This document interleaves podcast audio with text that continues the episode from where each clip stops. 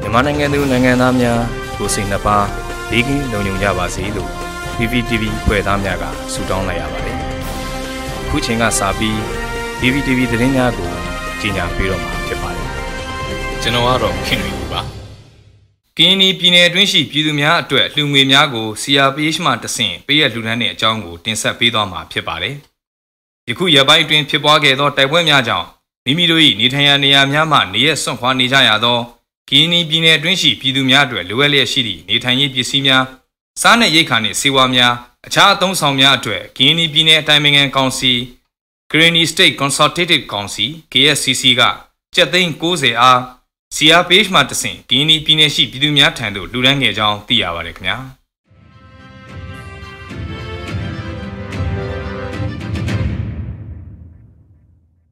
ချင်ဒေသအစိုးရဖွဲ့စည်းရေးဆိုင်ရာကိစ္စရပ်များကိုအကောင့်ထဲပေါ်ဆောင်ရွက်နိုင်ရေးအတွက်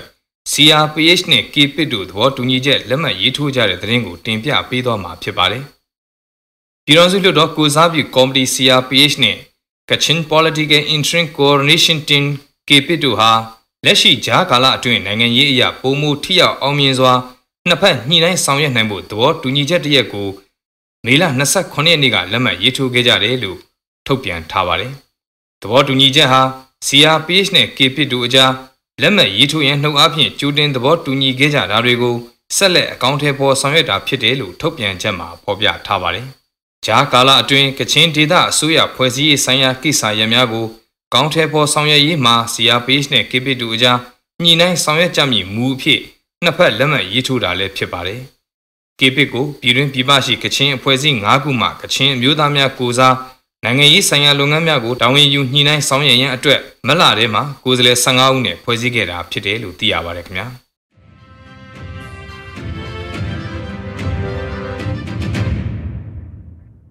ကဘာတမွန်းရှိဗုဒ္ဓဘာသာယဟန်တော်များဆီအာနာရှင်ကိုစန့်ကျင်တပိတ်မှောက်တဲ့ကမ်ပိန်းပြုလုပ်တဲ့အကြောင်းကိုတင်ပြပေးမှာဖြစ်ပါတယ်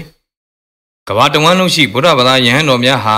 မြန်မာနိုင်ငံရဲ့ဆီအာနာသိမ်းမှုကိုစန့်ကျင်တပိတ်မှောက်မှုကမ်ပိန်းတရက်မေလ26ရက်နေ့က၎ င်းတို့ရဲ့လူမှုကွန်ရက်ဒီပေါ်ကနေပြုလုပ်ခဲ့ကြတယ်လို့သိရပါတယ်။ဖေဖော်ဝါရီလ၁ရက်နေ့ကစပြီးမတရားအာဏာသိမ်းယူထားတဲ့အကြမ်းဖက်စစ်ကောင်စီကိုတပိတ်မှောက်တဲ့အနေဖြင့်ကဘာတမန်းရှိဗုဒ္ဓဘာသာယဟန်တော်များဟာစွန့်ဖုံးပေးသည့်တပိတ်များကိုမှောက်လျက်အနေထားပြုလုပ်ကာစန့်ကျင်ကြောင်းပြသခဲ့ကြတာဖြစ်ပါတယ်။အဆိုပါလှုပ်ရှားမှုမှာမြန်မာနိုင်ငံမှယဟန်တော်များအပြင်ဥရောပအမေရိကစသည့်အနောက်နိုင်ငံများမှဗုဒ္ဓဘာသာယဟန်တော်များလည်းပါဝင်တပိတ်မှောက်ခဲ့ကြပြီး ရဟန်းတော်များထဲမှာဘုရားဟောဗိဓိကတော်ကြီးများကိုအင်္ဂလိပ်ဘာသာသို့ပြန်ဆိုခဲ့သူပါဠိပညာရှင်ဗိဓိကပညာရှင်အမေရိကန်ယဟန်တော်ဘိက္ခုဘောဒီလည်းပါဝင်ကြောင်းသိရပါတယ်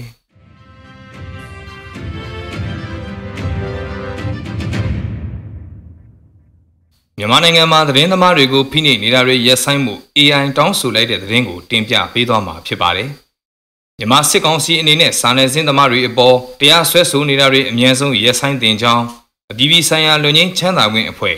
Amnesty International ကမေလ29ရက်နေ့ကတောင်းဆိုလိုက်ပါတယ်။သတင်းသမားတွေဟာဒီနေ့ဖြစ်ပျက်နေတာတွေအပေါ်ဗဂတိအမှန်တိုင်းဖော်ထုတ်တင်ပြဖို့ရှေ့တန်းကနေကြိုးပမ်းနေကြသူတွေဖြစ်ကြောင်း